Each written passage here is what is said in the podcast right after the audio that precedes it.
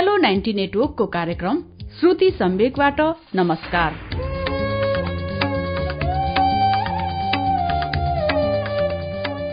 उज्यालो ninety नेटवर्कमा हरेक मंगलबार र शुक्रबार राति सभा नौ बजे कार्यक्रम श्रुति सम्वेक प्रसारण हुन्छ। देशभरिका अठारवटा एफएम रेडियो स्टेशनहरूबाट एकैसाथ प्रसारण भइरहेको कार्यक्रम श्रुति सम्वेगमा हामी वरिष्ठ साहित्यकारहरूका उत्कृष्ट गद्यहरू वाचन गर्दछौ। श्रुति सम्वेकको आज मंगलबारको श्रृंखलामा हामी कृष्ण धरावासीलाई लिएर आएका छौं। गएको पन्ध्रवटा श्रृंखलामा हामीले कृष्ण धरावासीले लेख्नु भएको आधा बाटो सुनिरहेका छौं। यसको एक श्रृंखलाको वाचन अझै बाँकी छ। बाँकी श्रृंखला अर्को साता सुन्नेछौ। आजको कार्यक्रममा हामी कृष्ण धारावासीसँग नै कुरा गर्दैछौ। शुरूमा सुनौ अच्युत घिमिरे र कृष्ण धारावासीको कुराकानी। जा जा रे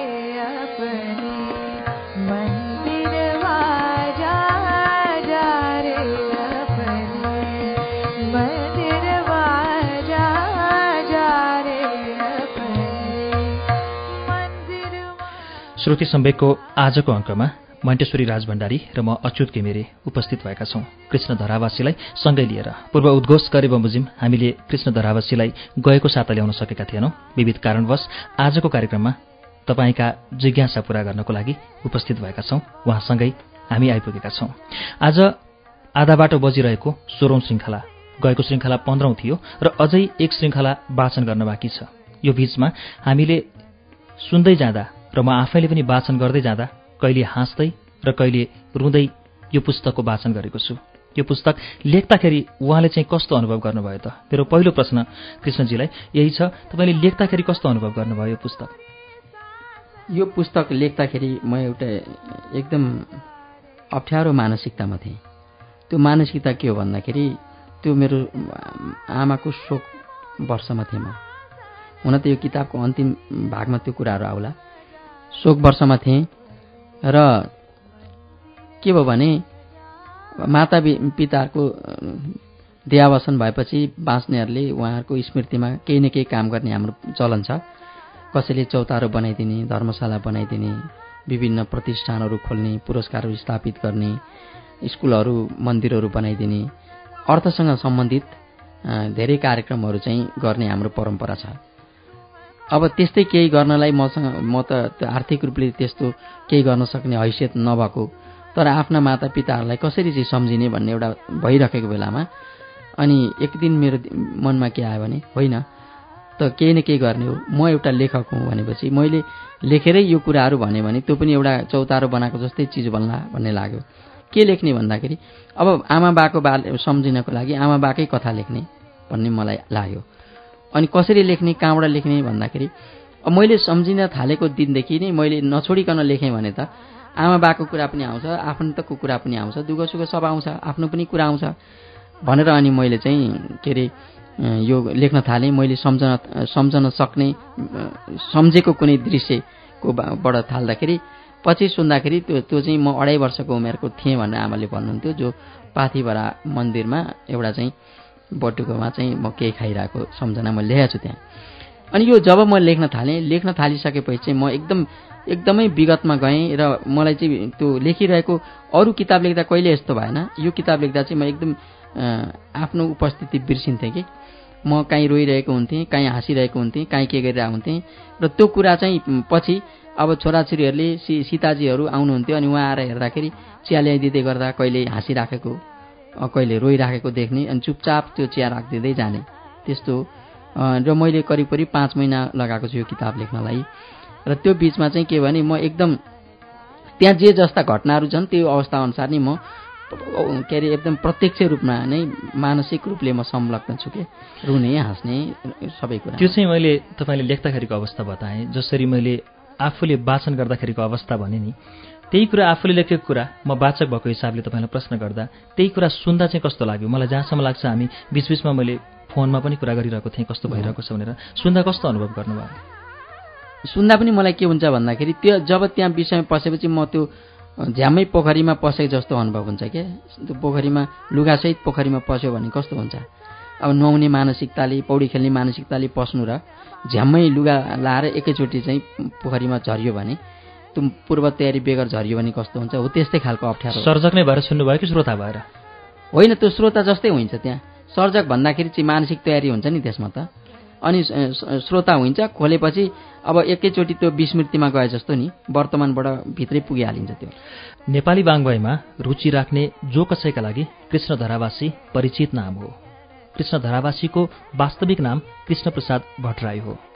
विक्रमसम्म दुई हजार सत्र साल श्रावणमा पाँच थरको अमरपुर साथमा जन्मनुभएका कृष्ण धरावासीका प्रकाशित पुस्तकहरू अठारवटा रहेका छन् जसमध्ये पाँचवटा उपन्यास चारवटा निबन्ध सङ्ग्रह दुईवटा कविता सङ्ग्रह एउटा कथा सङ्ग्रह चारवटा समालोचना र एउटा संस्मरण रहेका छन्। शरणार्थी टुँडाल राधा तपाईँ र आधा बाटो उहाँका प्रकाशित उपन्यासहरू हुन्।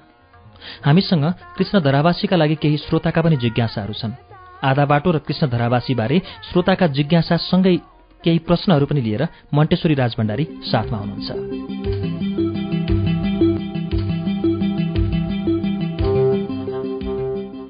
झापा जिल्लाको राजगढ नयाँ बजारमा स्थायी निवास भई हाल युनाइटेड अरब इमिरेट्सको दुबईको स्पार्क ग्रुप अफ कम्पनीमा काम गरिरहनुभएका समीर अधिकारीले सोध्नु भएको छ तपाईँलाई आफूले लेखेका मध्ये सबैभन्दा मन परेको उपन्यास कुन हो? मैले जम्मा पाँचवटा उपन्यासहरू लेखेको छु। अब त्यसमध्ये अब आफैले लेखेका सबै आफूलाई मनपर्छन् तर पनि पहिलोपल्ट प्रकाशित भएको शरणार्थी उपन्यास चाहिँ मलाई सबभन्दा धेरै मनपर्छ अनि त्यसपछि उहाँले अर्को सोध्नु भएको छ साहित्यमा प्रवेश गर्न चाहनेलाई के सुझाव दिनुहुन्छ? साहित्यमा प्रवेश गर्न चाहने साथीहरूलाई पहिलो सुझाव त के भने हामीले साहित्यका कृतिहरू राम्रा राम्रा कृतिहरू पढ्नुपर्छ। पढेपछि त्यसबाट भाषा शैली विषयवस्तु प्रस्तुति धेरै कुराहरू पढेर हामीले केही न केही अनुमान गर्न सक्छौँ। अनि त्यसपछि हामीले लेख्ने अभ्यास गर्नुपर्छ। एकपल्ट लेखेर मात्र हुँदैन। धेरैपल्ट लेख्नुपर्छ साफी गर्नुपर्छ काट्नु च्यात्नुपर्छ दिक्क मान्नु हुँदैन। अध्ययन र अभ्यास दुइटै चिज सँगसँगै गऱ्यौँ भने हामीले एउटा लेखक बन्नलाई हामीलाई सजिलो होला। जस्तै तपाईँ उपन्यास लेख्दा कति पटकसम्म फेरि लेख्दै पुनर्लेखन गर्नुहुन्छ? मेरो चाहिँ अलि मेरो अभ्यास अलिक धेरै भयो। किनभने मैले धेरै उपन्यास लेखेछु। जस्तो कि मैले चाहिँ शरणार्थी उपन्यास मेरो प्रकाशित पहिलो उपन्यास हो। त्यो छप्पन्न सालमा दुई हजार छप्पन्न सालमा छापिएको हो। तर शरणार्थी उपन्यास छापिनु छापिँदाखेरि मसँग अप्रकाशित अरू पन्ध्रवटा उपन्यास बाँकी थिए पाण्डुलिपिको रूपमा। ती पन्ध्रवटा मध्ये एउटा चाहिँ मैले फेरि पुनर्लेखन गरेर छापेँ त्यो तपाईँ भन्ने उपन्यास हो। र अरू चौधवटा उपन्यास अहिले पनि मसँग अप्रकाशित छन्। यो के भनेको भने मैले चाहिँ पन्ध्रवटा उपन्यास लेखिसकेपछि अनि सोह्रौँ उपन्यास मात्र मैले प्रकाशित गरेको हुँ। र अहिले आएर चाहिँ म एउटै उपन्यासलाई पनि धेरैपल्ट साफी गर्दिनँ।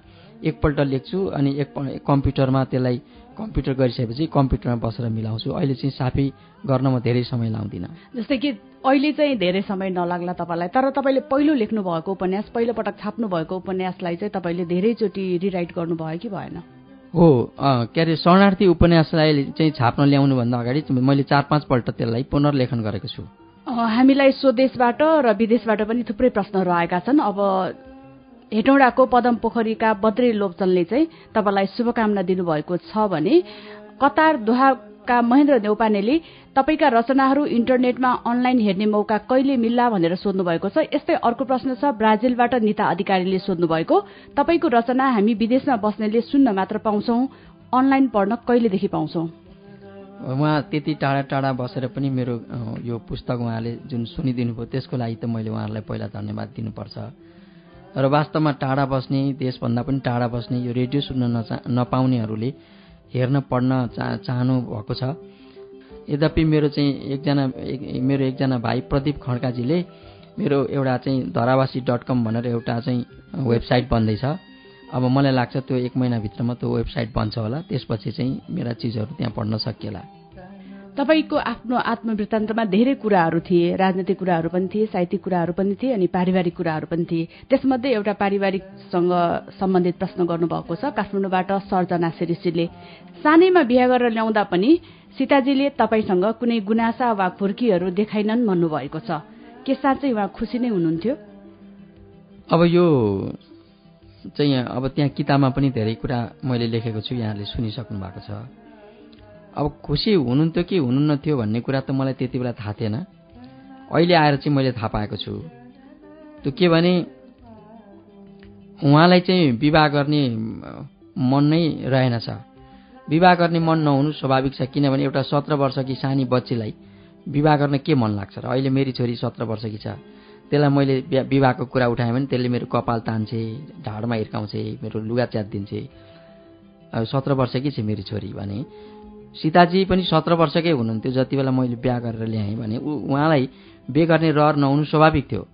तर विभिन्न कारणले त्यति बेलाको समयमा अभिभावकहरूले बिहा गरिदिएर आएपछि त्यो विवाहप्रति नै विद्रोह भएको हुनाले एउटा चाहिँ के भने जे पनि सहन गर्ने खालको एउटा विद्रोह उहाँमा रहेछ।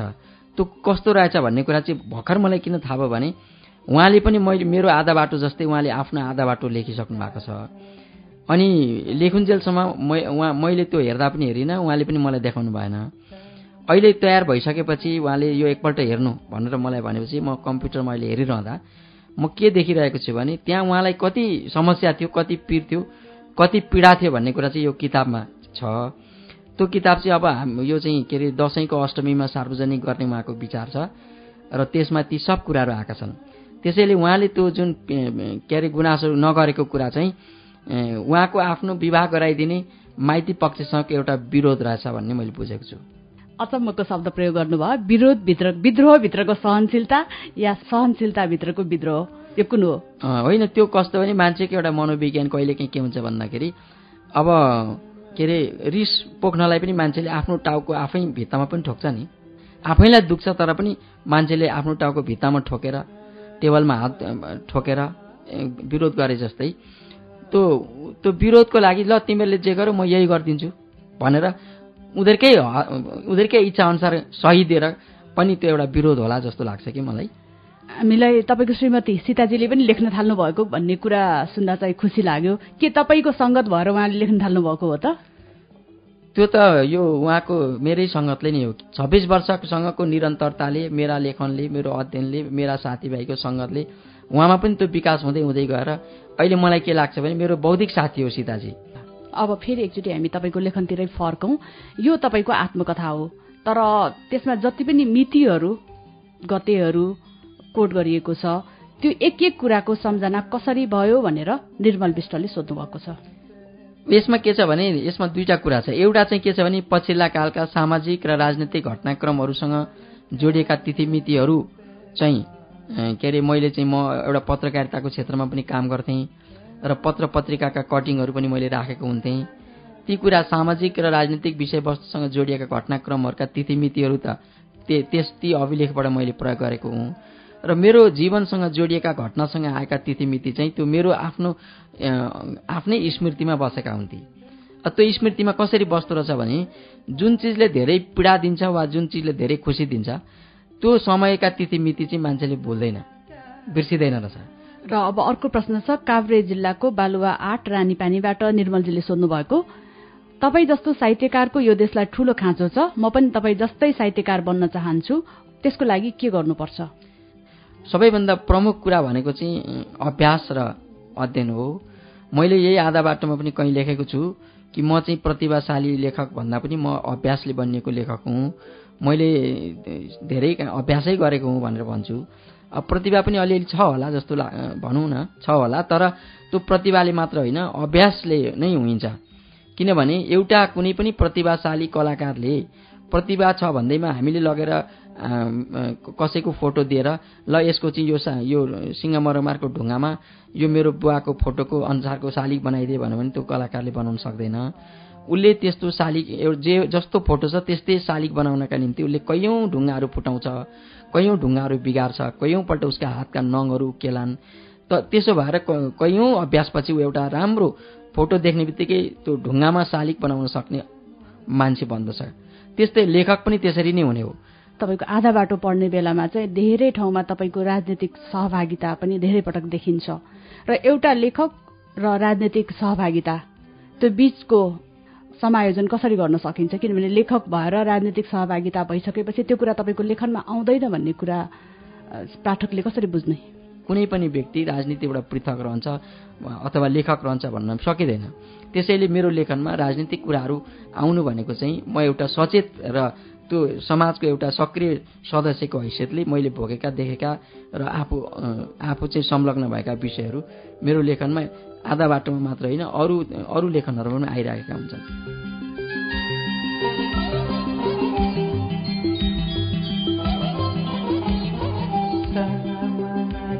हामी अहिले उज्यालो नाइन्टी नेटवर्कको कार्यक्रम श्रुति सम्वेगमा उपन्यासकार कृष्ण धरावासीसँग कुराकानी गरिरहेका छौं। केही बेरपछि यसको बाँकी अंश लिएर आउँछौ। उज्यालो सुन्दै गर्नुहोला।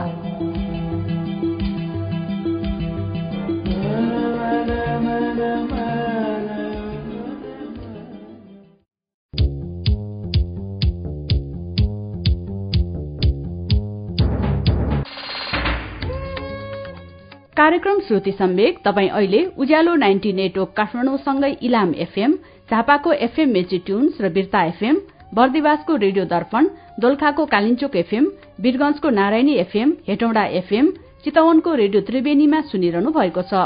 त्यसै गरी फलेवासको रेडियो पर्वत गुल्मीको रेडियो रेसुङ्गा पोखराको रेडियो तरंगमा पनि श्रुति सम्वेक सुन्दै हुनुहुन्छ।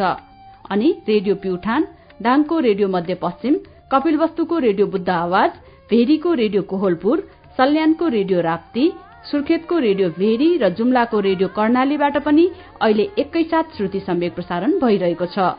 श्रुति सम्वेकको आजको श्रृंखलामा हामी आधा बाटोका उपन्यासकार कृष्ण धरावासीसँग कुराकानी गर्दैछौं।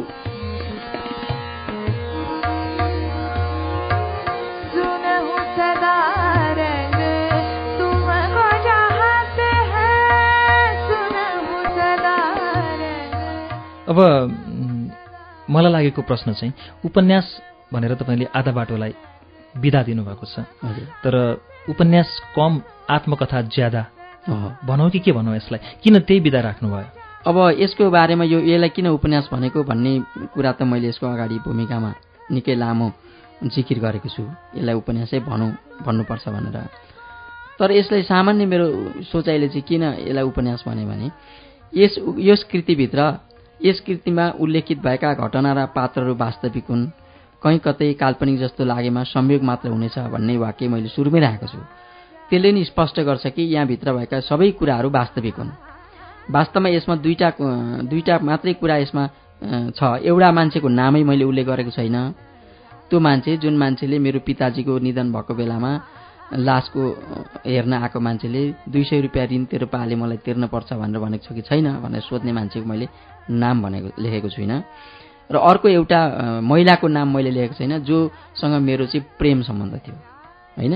यी दुईटा कुरा चाहिँ सामाजिक कारणले विभिन्न पारिवारिक कारणले नलेख्दै राम्रो होला भनेर नलेखेको मात्र बाँकी त्यहाँ भएका सबै कुराहरू चाहिँ मैले सकेसम्म अब उनान्सय प्रतिशत नै त्यसलाई यथार्थ हुन् भन्न भन्न चाहन्छु म।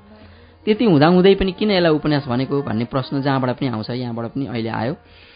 अनि त्यो चाहिँ किन भनेदेखि पात्र पात्र र घटनाहरूलाई का नाम मात्रै फेरिदिएर सबै कुरा यथार्थ राख्दा उपन्यास भन्न मिल्ने।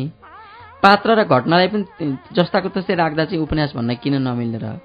एक अर्को कुरा अब म एउटा एकदमै सामान्य एउटा नागरिक हुँ एउटा सामान्य व्यक्ति हुँ। अहिले पनि म सामान्य हुँ। यो किताब लेखेँ भन्दैमा मेरो नाम प्रचारमा आयो सबैले चिने सुने भन्दैमा म विशिष्ट मान्छे होइन म। सामान्य मान्छे नै हुँ म। यदि मैले यो नलेखेको भए पनि यो पीडा त दिमागभरि बोकेर हिँडेकै थिएँ नि। त्यसो भएपछि म एउटा सामान्य नागरिक हुँ। म राजनीतिक व्यक्ति पनि होइन म कुनै पद प्रतिष्ठाको मान्छे पनि होइन। भविष्यमा त्यहाँ पुग्ने त्यत्रो ठुलो कुनै पूर्वाधार पनि छैनन्। भने एउटा सामान्य मान्छेको जीवनी कसले पढ्छ? यहाँ राष्ट्रपतिहरूका जीवनी प्रधानमन्त्रीहरूका जीवनी महात्माहरूका जीवनी पढ्ने मान्छेलाई फुर्सद छैन। म एउटा सामान्य मान्छेको जीवनी मैले यसलाई चाहिँ मेरो आत्मकथा भनेर लेखेँ भए किन पढ्ने? त्यो त्यो त्यसको किन पढ्नु? हामीले पाँच सय पेजको यसको कथा किन पढ्नु भन्थ्यो होलान् मान्छेले पढ्ने थिएनन् होला। मलाई यो पढाउन मन थियो। त्यसकारण मैले झुक्याउनको लागि पनि यसलाई उपन्यास लेखेँ। भन्ने एउटा कुरा थियो। हामीले चिनेको चिन्नेहरूको समूहमा यो यथार्थ होला। नचिन्नेहरूको लागि सबै उपन्यासका पात्र हुन्। त्यसो भइसकेपछि जस्तो यो पुस्तक प्रकाशित हुँदाखेरि कतिपय यथार्थ पात्रहरूलाई चाहिँ तपाईँले उनीहरूका भावनाहरू लेख्दाखेरि कतिपय कुरा बाङ्गिएको पनि त निस्क्यो होला नि पढिसक्दाखेरि। ती चरित्रहरूले तपाईँलाई प्रश्न गरे कि गरेन? होइन प्रश्न त अब सामान्यतया मलाई चाहिँ कसैले पनि गरेको छैन अहिलेसम्म। तर आपसमा भएका कुराहरूको सम समाचारहरू त मकामा आउँछन् नि त होइन? कसैले चित्त दुखाएको छ कसैले मन दुखाएको छ भए त्यो घटना भएको थियो त्यति बेला अब त्यसलाई यत्रो दिनसम्म मनमा राखेर यस्तो नलेखिदिएको भए हुन्थ्यो। भन्ने पनि छ। त मैले आफ्नो जे जे भएको छु त्यही त्यही लेखेको हुनाले गर्दा राम्रा पनि नराम्रा पनि त्यति बेलाको अनुभूति लेखेको हुनाले अहिले ती अनुभूति भएका पात्रहरूले पनि नलेखिदिया भए ठिकै थियो अब लेखिहाल्नु भएछ भनेको मात्रै छ तर खासै कसैले चित्त दुखाएको जस्तो मलाई लाग्दैन। आधा बाटोको पुरा भाग अर्थात् बाँकी भाग अब कहिले सुन्ने त श्रोताले अथवा तपाईँका पाठकले कहिले पढ्ने? अब यो आधा बाटोको पुरा त अर्कैले गरिदिनुपर्छ किनभने म मरेँ भनेर त लेखिँदैन होइन? त्यो त्यो लेख्दाखेरि मात्रै पुरा हुन्छ। मैले त्यसो भएपछि- बाँकी भागमै। चाहिँ जान खोजेको। अब बाँकी भाग चाहिँ के हुन्छ भने मेरो मेरो विचारमा के छ भने यो आधा बाटो जहाँ टुङ्गिएको छ अब अब अब त्यहाँदेखि उताको जुन भाग हुन्छ त्यो भाग चाहिँ यस्तो हुँदैन। अहिले हामीले जहाँ टुङ्ग्यौँ त्यहाँ त्यस्तो हुँदैन। किन यहाँदेखि उता चाहिँ किन हुँदैन भने अब म यो आधा बाटो लेखिसकेपछिको अवस्थामा मेरो व्यक्तिगत जीवन करिब करिब व्यक्तिगत जीवन चाहिँ सकिएको छ क्या अब आएर। एकदमै सामाजिक सार्वजनिक भइसकेको छ मेरो। मेरा घटनाक्रमहरू मेरा सबै चिजहरू सामाजिक जस्ता भइसके। साना साना चिज पनि समाचार हुन थाले। मेरा बोली हिँडाइ अन्तर्वार्ता सारा चिजहरू मेरा सबै व्यक्तिगत कुराहरू सामाजिक जस्ता भइसके मेरो अनुभवमा अहिले नि। केही चिज पनि लुक्दैन मेरो अहिले। एक त म भनि नै रहँदो रहेछु एक अर्को कुरा अरूले पनि विचार गरिरहेको हुन्छन् तँ हिँड्दैछु भने म बदाम खाएर हिँड्दैछु त्यहाँ हेर बदाम खाएर हिँड्दैछ भनेर आउँछन् मान्छेहरू। भने मैले कुनै चिज पनि लुकाउन चाहँदा पनि नलुक्ने स्थिति छ। किनभने गाडीमा हिँडिराखेको हुन्छु चुप्प लागेर एउटाले कोट्याएर तपाईँ धरावासी हो भनेर सोध्छ। मेरो व्यक्तिगत जीवन नै छैन। त्यसो भएपछि अबको मेरो चाहिँ सार्वजनिक जीवनसँग जोडिएका विषयवस्तु हुनाले यति गम्भीर यति आकर्षक यति पीडादायी हुँदैन। त्यो मान्छेहरूको प्रश्न छ कि कुकुरसँग सँगै सुतेको फुटपाथमा कृष्ण धारावासी। हजुर। उपन्यास सुन्दाखेरि त्यहाँनिर ध्यान गइरहेको छ मान्छेको। अनि अनौपचारिक प्रश्नहरू कसरी गरिरहेको छन् भने अब कृष्ण धारावासीको अहिलेको अवस्था कस्तो छ त? धेरैको जिज्ञासा यो छ। होइन अहिलेको अवस्था त के अरे एकदम गजबको अवस्था छ नि अहिलेको त। किन गजबको मलाई पनि के लाग्छ भने मेरो जीवन चाहिँ कुनै हिन्दी फिल्मको तिन घन्टाको कथा जस्तो लाग्छ मलाई।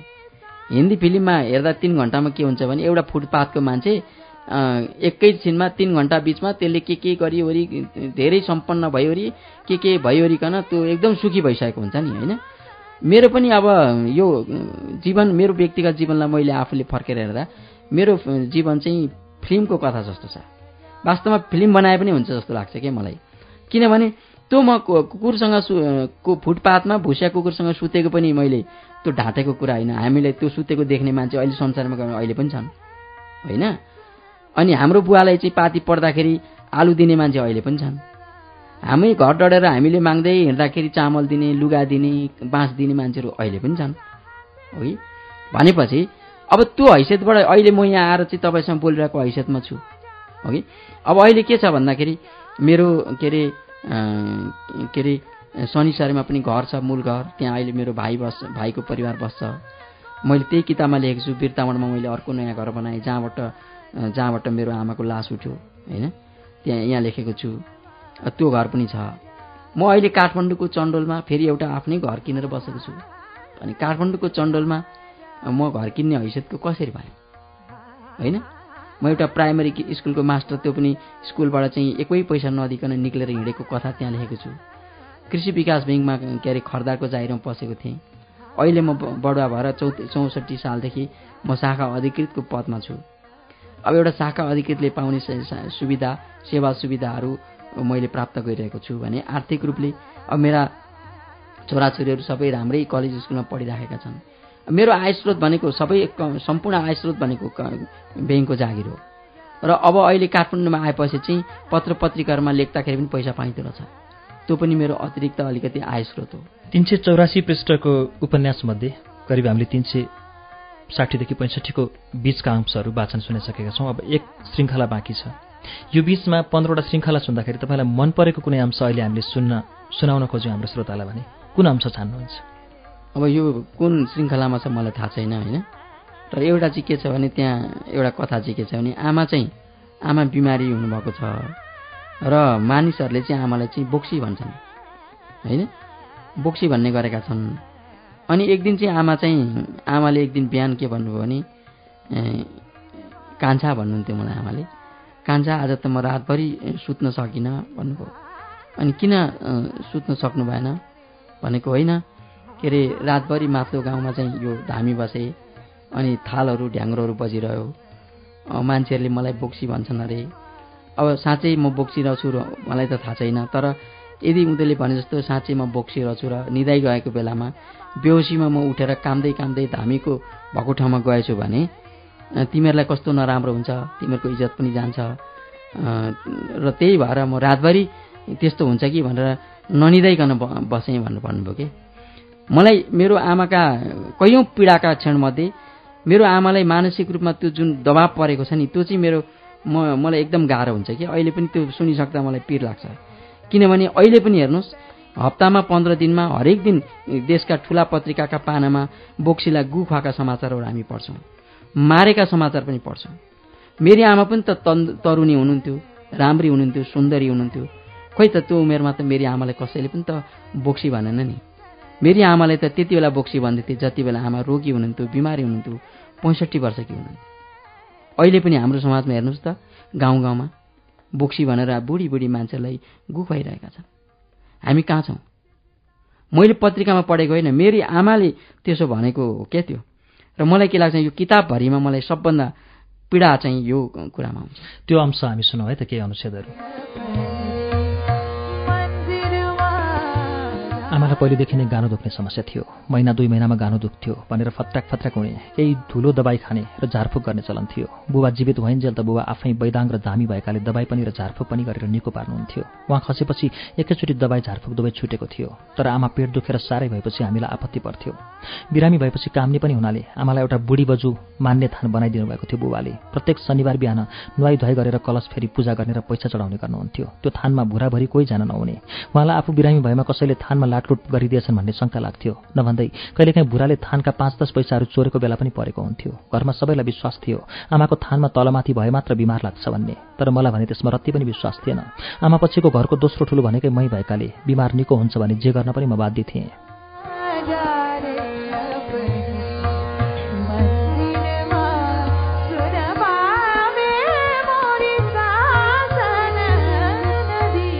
जब आमालाई ज्यादै पेट दुख्थ्यो दाँत दुख्थ्यो वा जुन पनि असह्य पीडादायी बिमार लाग्थ्यो उहाँ काम्न थाल्नुहुन्थ्यो। बेला बेलामा हाँसे जस्तो गर्नुहुन्थ्यो। हामीलाई चिन्नुहुन्थ्यो र दारा किट्ने जिउ मर्काउने कस्तो कस्तो डरलाग्दो आँखाले हेर्ने र अजाकमा पल्टिने गर्नुहुन्थ्यो। त्यस्तो बेलामा अब धामी कथा खोज्ने अनि म आफै ताजा पानी फुल र सिन्के धुप सल्काएर आमाकी महारानीलाई बक्साउन चाल्थेँ। उहाँ बेहोस जस्तो भएर निधाउनुहुन्थ्यो र बिस्तारै सन्चो हुँदै जान्थ्यो। निकै वर्ष यसै गरी आमाको बिमारको उपचार भइरह्यो। डाक्टरकोमा जाउँ भन्दा महारानी रिसाउने डर थियो आमालाई र अरूहरूलाई पनि। महारानी नै रिसाउने भएपछि मेरो केही उपाय थिएन।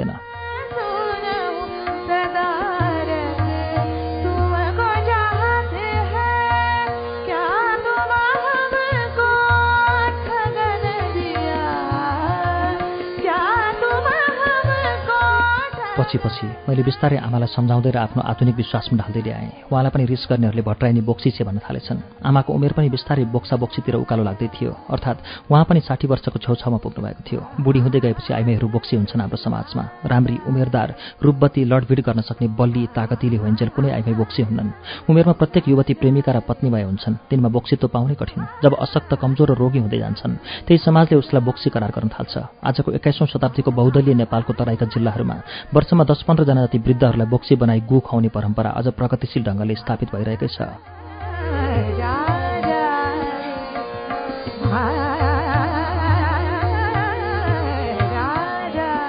एक दिन आमाले भन्नुभयो नानी मलाई छिमेकीहरूले बोक्सी भन्छन् अरे। के तँलाई म बोक्सी छु जस्तो लाग्छ? म अचम्मित भएँ। कसले बोक्सी भन्यो तपाईँलाई? त नरिसा न भन्नेले भन्छन् नि तर के साँच्चै म बोक्सी भएँ होला त? मलाई त त्यस्तो लाग्दैन। भन्छन् अरे भट्राइनी बोक्सी छे। उसैले नाति नातिनालाई त्यस्ता दुब्ला पारे कि? मलाई आमाको त्यस्तो दयनीय र पीडापूर्ण कुरा सुनेर भित्र कहाँदेखि रिस आयो? तर रिसाउनु पर्ने पात्र स्पष्ट थिएन। एक दिन फेरि उहाँले भन्नुभयो मलाई उहिलेदेखि तेरो बुबाले यो थानमा पूजा गर्नु भनेर बनाइदिएको। कहिलेकाहीँ पेट दुखेर साह्रै हुँदा म कामछु पनि भन्छौ। गाउँका मान्छेले मलाई कामेको देखेर त्यसो भनेका होलान्। यो थानको पूजा नगर्दा के होला? मैले भने अर्काको भनाइ सुनेर आफूले गरिल्याएको काम किन छोड्नु? कसैले के को रिस फेर्न मन लाग्छ भन्छन्। फेरि अर्को दिन निकै दिनपछि एक दिन बिहानै भन्नुभयो हिजो राति धेरै बेरसम्म माथि हात्ती किल्लातिर धामी बसेको र ढ्याङ्ग्रो बजेको सुन्यौ तिमीहरूले। किन र? मैले सुने पनि निधाएँ पनि। हेर्न म आज रातभरि सुत्न सकेकी छैन। धामी बसेका बेला बोक्सी वरिपरि रहेछन् भने कामदै रुँदै धामीको थानमा पुग्छन् भन्छन्। मलाई पनि अचेल बोक्सी भन्न थाले। बा म बोक्सी नै भइसकेर कामदै त्यता पुग्ने हुँ कि? केही गरी म कामदै बोक्सी भएर हिँड्न थालेँ भने तिमीहरूको कति बिजोक होला? तैँले अलिअलि कमाएको इज्जत पनि सकिएला। साँच्चै आज रातभरि यस्तै सोचेर उज्यालो पारे। भर्खर ढ्याङ्ग्रो बज्न छोडेपछि झ्याप्प एक निद्रा निधाएछु।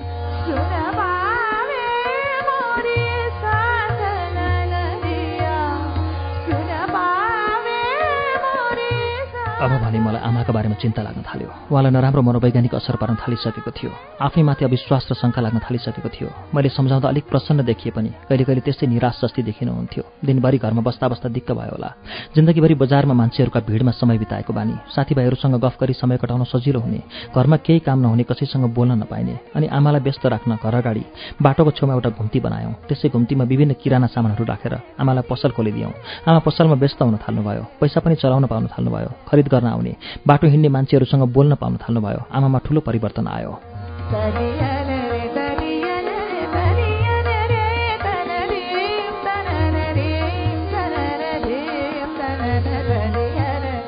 अब अरूले के कसो भन्छन् भन्ने पोल सताउन पनि छोड्नु भयो निकै समयपछि एक दिन फेरि हातका नसाहरू दुखे। कपाल बाट्न पनि नहुने भए। टाउकोसम्म पनि हात पुग्दैनन्। लौ म अब त कुजिने पो भएछु। कतै धामीले पो बाण हानेर मलाई यस्तो पारेको हो कि? अनि मैले आमालाई जबरजस्ती कविराज सकलदेव चौधरी कहाँ लिएर गएँ। त्यसबेला डाक्टर बा राष्ट्रिय सभाको सांसद भइसक्नु भएकाले काठमाडौँमै बस्न लाग्नु भएको थियो। सकलदेवजीले जाँचबुझ गरेर नसा सम्बन्धीका औषधिहरू दिनुभयो। ती औषधि लगेर खान थालेपछि अब पेट पनि दुख्न थपियो। जति दबाई खायो उति पेट दुख्दा दुख्दै दुई दिनपछि त आमा फेरि काम्न थाल्नुभयो। म पनि अलमल्ल परेर यो क्या हो यस्तो साँच्चै यो डाइनी बोक्सी महारानी सबै हुन्छ कि क्या हो जस्तो लाग्यो। अनि भोलिपल्ट बिहानै उठेर सकलदेवजी कहाँ गएँ? आमाको सबै कुरा सुनाएपछि उहाँले सोध्नुभयो आमालाई ग्यास्ट्रिक पनि छ? आमाको ग्यास्ट्रिक त क्रोनिक हो नि। उहिलेदेखि गानो गोला चल्छ भनेर हामीले कति थिचिदिनु पर्ने पेट दुखेर हुरुक्क हुने। अनि उहाँले ग्यास्ट्रिक हुनेलाई नसाको दबाईले झन् ग्यास बढाउँछ। ग्यास बढेपछि त भुँडी दुख्ने काम्ने भइहाल्छ नि। ज्यादा ग्यास भएर ग्यासले मुटुतिर प्रेसर दिएपछि बिरामी डराउने आत्तिने काम्ने बहकिने हुन्छ। भन्दै उहाँले ग्यास्ट्रिकका लागि नयाँ औषधि थपिदिनु भयो त्यो लगेर आमालाई खान दिएँ। दुई दिनपछि बिस्तारै ठिक हुँदै गयो मैले आमालाई सकलदेवजीको कुरा भने हेर्नु यो महारानी धामी बोक्सी केही होइन। तपाईँलाई नसाको रोग लागेको छ। नसाको रोगको दबाई खाँदा ग्यास्ट्रिक हुन्छ अरे। अब यो ग्यास्ट्रिकको पनि दबाई खाएपछि ठिक हुन्छ।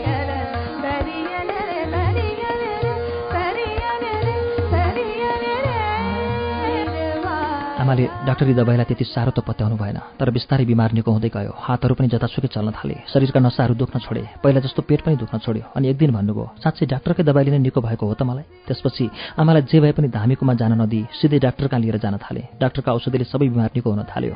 आमालाई धामी झाँक्रीको विश्वास घट्दै गयो र डाक्टरको विश्वासले जित्दै ल्यायो। उहाँलाई जब आफ्नो रोग र औषधिको सम्बन्ध थाहा भयो अनि छिमेकीहरूसँग पनि हाँस्दै आफै भन्न थाल्नुभयो मलाई त तिमीहरू सबैले मिलेर झन्डै बोक्सी नै बनाएछौ नि। म पनि मनमा नै आफूलाई बोक्सी ठान्न थालिसकेकी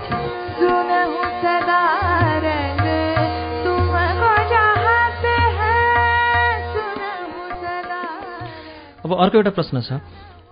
तपाईँ आफैले पनि हामीसँग कुराकानीको क्रममा आधा बाटोभन्दा अगाडिका केही अंशहरू बताइसक्नुभयो।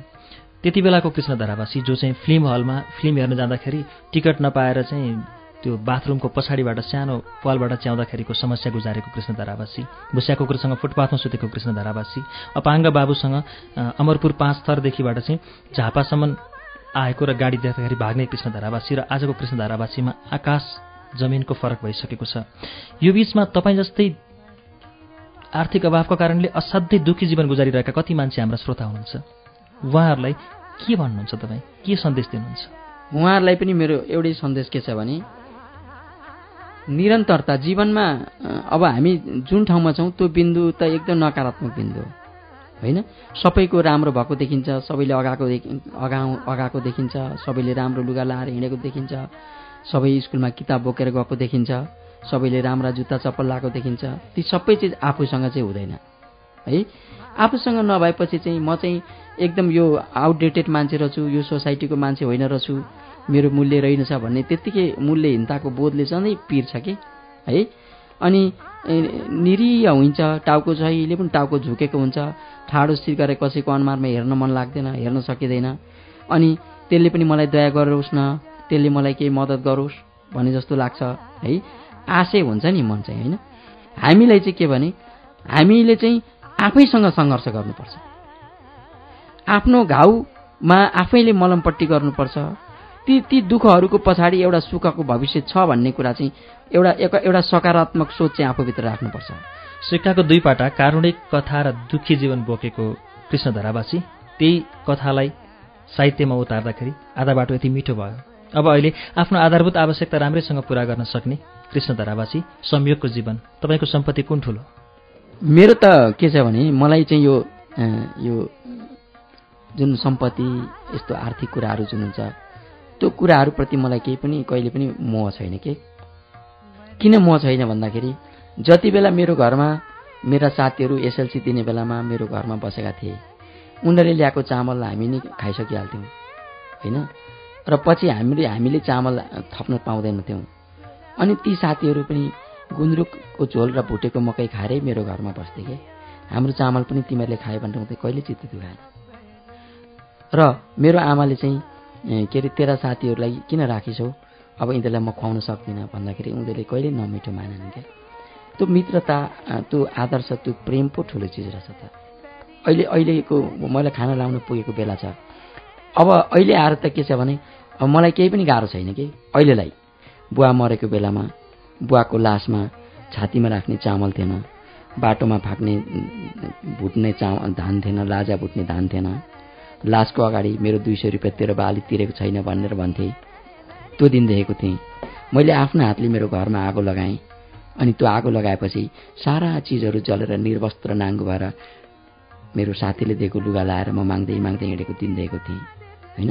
आज म एकदम गोजीमा मोबाइल बोकेको छु। अब इन्टरनेट चलाउँछु कम्प्युटर छ। मेरा छोराछोरीलाई त्यो जिन्दगी थाहा छैन। त यो हैसियतमा आउँदा पनि मलाई के लाग्छ भने कुनै पनि कुतौजी पऱ्यो भने म हिजोको ठाउँमा फेरि पुग्छु। किनभने के हुन्छ? यो देशको स्थिति हेर्नुहोस्। भोलि नै एउटा ठुलो विप्लव हो। ल काठमाडौँमा ठुलो विप्लव हो भने मेरो चण्डोलको घर मैले बोकेर लान सक्दिनँ नि कहीँ पनि। होइन? भुटानका भुटानबाट चाहिँ भागेकाहरू अस्ति मेघालयबाट भाग्नेहरूले के लिएर आएका छन्? भोलि झापामा त्यस्तै एउटा चाहिँ साम्प्रदायिकताको विद्रोह सुरु भयो। कुनै के भयो भने बिरतामको घर मैले कहाँ लान्छु? म त लाएको लुगा र हिँड्न नसक्ने हिँड्न सक्ने हिँड्न नसक्ने रोगी बिमारीद्वारा छोराछोरी बोकेर म आफू पनि खन्च्याङ खन्च्याङ गर्दै कहाँ जान्छु कहाँ जान्छु नि? त्यस हुनाले वर्तमानमा हामीसँग कसैसँग पनि सम्पत्ति छ भने त्यो सम्पत्तिको अहम लिनु हुँदैन। सम्पत्तिको केही मतलब छैन के? तर छैन भने त्यसको विरोध गर्ने होइन। त्यसको सम्पत्ति छ त्यसको उपयोग गर्नुपर्छ। सम्पत्तिको उपयोग गर्नुपर्छ। के भने दुरुपयोग नगरी। हामी त दुरुपयोग गर्छौँ नि धेरै। सम्पत्ति छ भने पुरमास गर्छौँ जतासुकै गर्छौँ। एउटा मान्छे बाटो भिखमङ्गा छ त्यसलाई हामी पैसा दिन चाहँदैनौँ। होइन? त्यसलाई हामी एक छाक खान दिन चाहँदैनौँ तर हामी भोज पार्टी गरेर करोडौँ रुपियाँ उडाइरहेको हुन्छौँ। श्रुति सम्वेक हाम्रो नियमित रूपमा सुनिरहनुहुने श्रोता र यो अन्तर्वार्ता पनि सुन्नुभएको श्रोताले तपाईँलाई सम्पर्क गर्न चाहनुभयो भने कसरी सम्पर्क गर्ने? अब मेरो सम्पर्क त अब मेरो एउटा टेलिफोन नम्बर छ होइन? उहाँले चाहनुभयो भने मेरो एउटा मोबाइल नम्बर हुन्छ। त्यो अन्ठानब्बे एकचालिस बयासी छयत्तर नब्बे। यसमा उहाँहरूले चाहनुभयो भनेदेखि अब म मेरो गोजीमै हुन्छ म बोलिहाल्छु। अन्ठानब्बे एकचालिस बयासी छयत्तर नब्बेमा तपाईँलाई सम्पर्क गर्यो भने श्रोताले भेट्न सक्नुहुन्छ। हजुर। हस् यहाँसम्म आइदिनु भयो धेरै धेरै धन्यवाद।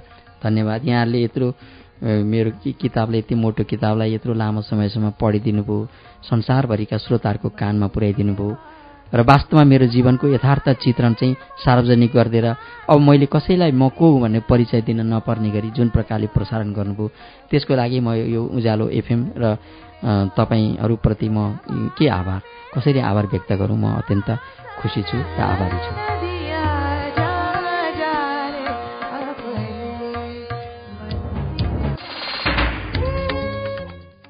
कार्यक्रम श्रुति सम्वेकमा अहिले भर्खरै हामीले कृष्ण धारावासीसँग कुरा गर्यौं। तीन सय साठी पृष्ठसम्म वाचन भइसकेको आधा बाटोको अझै एक श्रृंखला बाँकी छ त्यसको वाचन हामी आउँदो साता गर्नेछौं। हवस् त श्रुति सम्वेकबारे तपाईँका केही प्रतिक्रिया सल्लाह वा सुझाव भए हामीलाई लेखेर पठाउनुहोला। हाम्रो ठेगाना हो कार्यक्रम Shruti Sambeg post box number छ चार छ नौ काठमाडौँ। र हाम्रो इमेल ठेगाना हो एसएचआरयुटीआई एट आउँदो साता आजको दिन आजकै समयमा आधा बाटोको अन्तिम श्रृंखला लिएर आउनेछौ। त्यसअघि शुक्रबारको श्रुति सम्वेगमा हाम्रो भेट हुने नै छ। त्यसबेला हामी तपाईँलाई अमर नेौपानेको आख्यान पानीको काम सुनाउँछौ। त्यसबेलासम्मका लागि प्राविधिक साथी दिनेश निरौला र विशालजित पालिखीसँगै अच्युत घिमिरे र म मन्टेश्वरी राजभण्डारी पनि विदा पाऊ। शुभरात्री।